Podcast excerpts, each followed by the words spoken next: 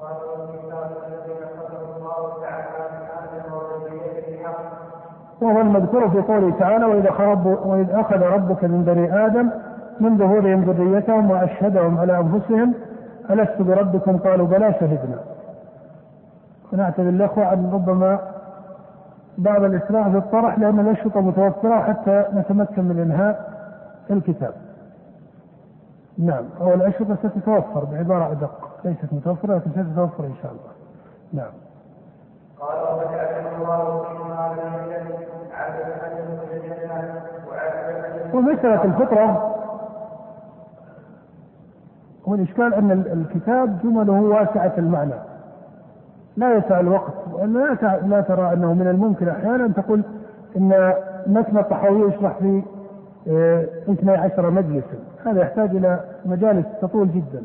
فتحت هذه المسألة مسائل طويلة في مسألة الفطرة والمراد بها لأنه ثبت في الصحيحين عن أبي هريرة قوله صلى الله عليه وسلم كل مولود يولد على الفطرة. فما المراد بالفطرة؟ هنا اختلاف ألفاظ أو تنوع في كلام السلف. فبعضهم قال الفطرة التوحيد وبعضهم قال الفطرة الإسلام إلى غير ذلك. وبعضهم قال الملة وقد اختلفت الرواية عن الإمام أحمد رحمه الله في تفسيره للفطرة وهو اختلاف تنوع أو اختلاف لفظي. ولا أحد من السلف يقول إن المراد بالفطرة الإسلام على معنى الإسلام إيش؟ على معنى الإسلام المفصل. فإن الإسلام المفصل لا يمكن أن يعلم بالفطرة بل لا يتلقى إلا من الوحي. وقد قال الله عن نبيه وكذلك أوحينا إليك روح من أمرنا ما كنت تدري ما الكتاب ولا ولا الإيمان. قال أهل التفسير من أهل السنة أو من أئمة السلف ولا الإيمان أي ولا تفاصيل الإيمان. تعرف أن تفاصيل الإيمان هي الشرائع. فإن الشرائع إنما تلقاها بالوحي وكذلك مفصل دلائل التوحيد. مفصل دلائل التوحيد وإلا فإن أصول التوحيد كان عليها عليه الصلاة والسلام قبل بعثته. المعتزلة من أصولهم أن العباد لا يثابون إلا على ما يعملون. وهم نظروا فإذا من الدلائل الشرعية والنبوية أن الله فطر العباد على التوحيد. فعن هذا قالت المعتزلة إن أول واجب على المكلف هو إيش؟ النظر وهذه مسألة يغلط فيها كثير من المتأخرين وأصلها فرع عن مذهب المعتزلة في القدر ودخلت على جمهور متكلمة الأشعرية وبعض الفقهاء والأصوليين من جهة المعتزلة مع أن جمهور من دخلت عليهم من المتأخرين يخالفون المعتزلة في أصل مسألة إيش؟ القدر. المعتزلة يقولون العبد يخلق فعله. أليس كذلك؟ فإذا كان كذلك قالوا لأن الثواب والعقاب على العمل. قالوا وأصل مبنى الثواب هو التوحيد. فالتوحيد حتى أصله إنما يتلقى بالعلم النظري وليس بأصل إيش؟ الفتوى. وعن هذا أجمعت المعتزلة على أو قال عامة المعتزلة فإن الجاحظ وأمثاله خالفوا في ذلك. قال جماهير المعتزلة إن أول واجب على المكلف هو النظر. فجاء الأشعرية فقالوا أول واجب على المكلف المعرفة. ثم قال من قال منهم ممن سلك مسلك الاعتزال هو النظر وقال بعضهم أول جزء من النظر وقال بعضهم القصد إلى النظر والخلاف بين سائر هذه الأقوال الكلامية خلاف لفظي كما صرح به الرازي وأبي وأبو حامد الغزالي وكما صرح به شيخ الإسلام رحمه الله. لكن الإشكال ما هو؟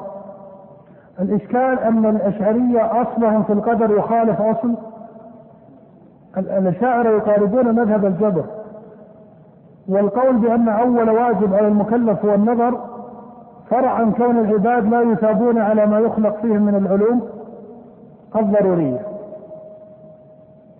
وعن هذا قال أبو جعفر السمناني من علماء الأشاعرة من أصحاب القاضي أبي بكر بن الطيب قال إن القول بإيجاب النظر بقية بقيت في مذهبنا من مذهب المعتزلة أي أن الأشعري لما رجع عن الاعتزال لم يتخلص من مسألة المعرفة التي مقدمتها النظر فالمعرفة نتيجة والنظر إيش؟ مقدمة. وعن هذا قلنا إن الخلاف كما صرح بعض النظار وكما ذكر الشيخ رحمه الله إن الخلاف لفظي. وأشكل من ذلك يعني أشكل من دخول المسألة على الأشعرية مع كونها تخالف اصولهم القدرية دخول هذه المسألة على كثير من الأصوليين حتى من أصحاب أحمد رحمه الله. والإشكال يظهر في بعض الأحوال بطريقة أخص حينما يقول حنبلي وهو يذكر مسائل التوحيد والصفات كما فعل المقدسي في كتاب التبصرة. وكتابه هذا كتاب حسن مصنف في الجملة على مذهب أهل السنة بل وفيه ردود حتى على الأشاعرة. لكنه غلط في هذه المسألة فقال اختلف أصحابنا في أول واجب على المكلف. فقال بعضهم النظر وقال بعضهم المعرفة إلى آخره. فترى أن مقصوده بأصحابه هنا من؟ الحنابلة. مع أن القول بإيجاب النظر أو أنه أول واجب على المكلف لم يكن مذهبا لا لأحمد بل ولا لأئمة أصحابه. فإن السلف مجمعون على أن أول واجب على المكلف هو الشهادة وبهذا خاطب الرسول صلى الله عليه وسلم سائر الناس من كان منهم عارفا ومن كان منهم جاهلا من كان منهم وثنيا ومن كان منهم يهوديا أو نصرانيا. ألا ترى أنه صلى الله عليه وسلم كما في حديث ابن عباس ومعاذ لما بعث معاذا إلى اليمن كما في الصحيحين قال فليكن أول ما تدعوهم إليه شهادة أن لا إله إلا الله. مع أنه ثبت في الأخبار والسير أن أهل اليمن إذ ذاك كان فيهم يهود وكان فيهم نصارى وكان فيهم عبدة أوثان. فهذا غلط من أغلاط المعتزلة. أعني جعل أول ما يجب على المكلف ليس الشهادتين وإنما النظر. دخل أو هو فرع عن قولهم في مسألة إيش؟ القدر.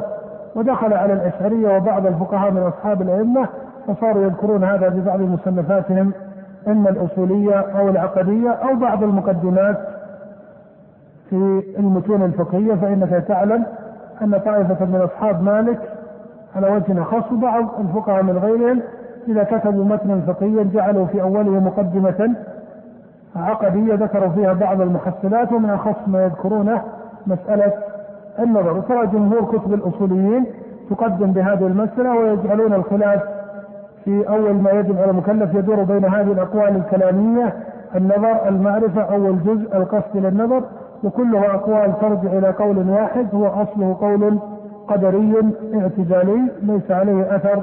السنة والجماعة لا من قريب ولا من بعيد بل هو مبني على أصول المعتزلة وبدعتهم. القدرية بل إنه عند التحقيق كما ذكر ذلك الجاحظ في بعض كتبه وهو معيار المعتزلة القدرية قال إنه لا يلزم هذا المذهب حتى على أصولنا المقولة في باب القدر كما زعم أصحابنا. هذا يقوله الجاحظ في بعض كتبه الكلامية. نعم.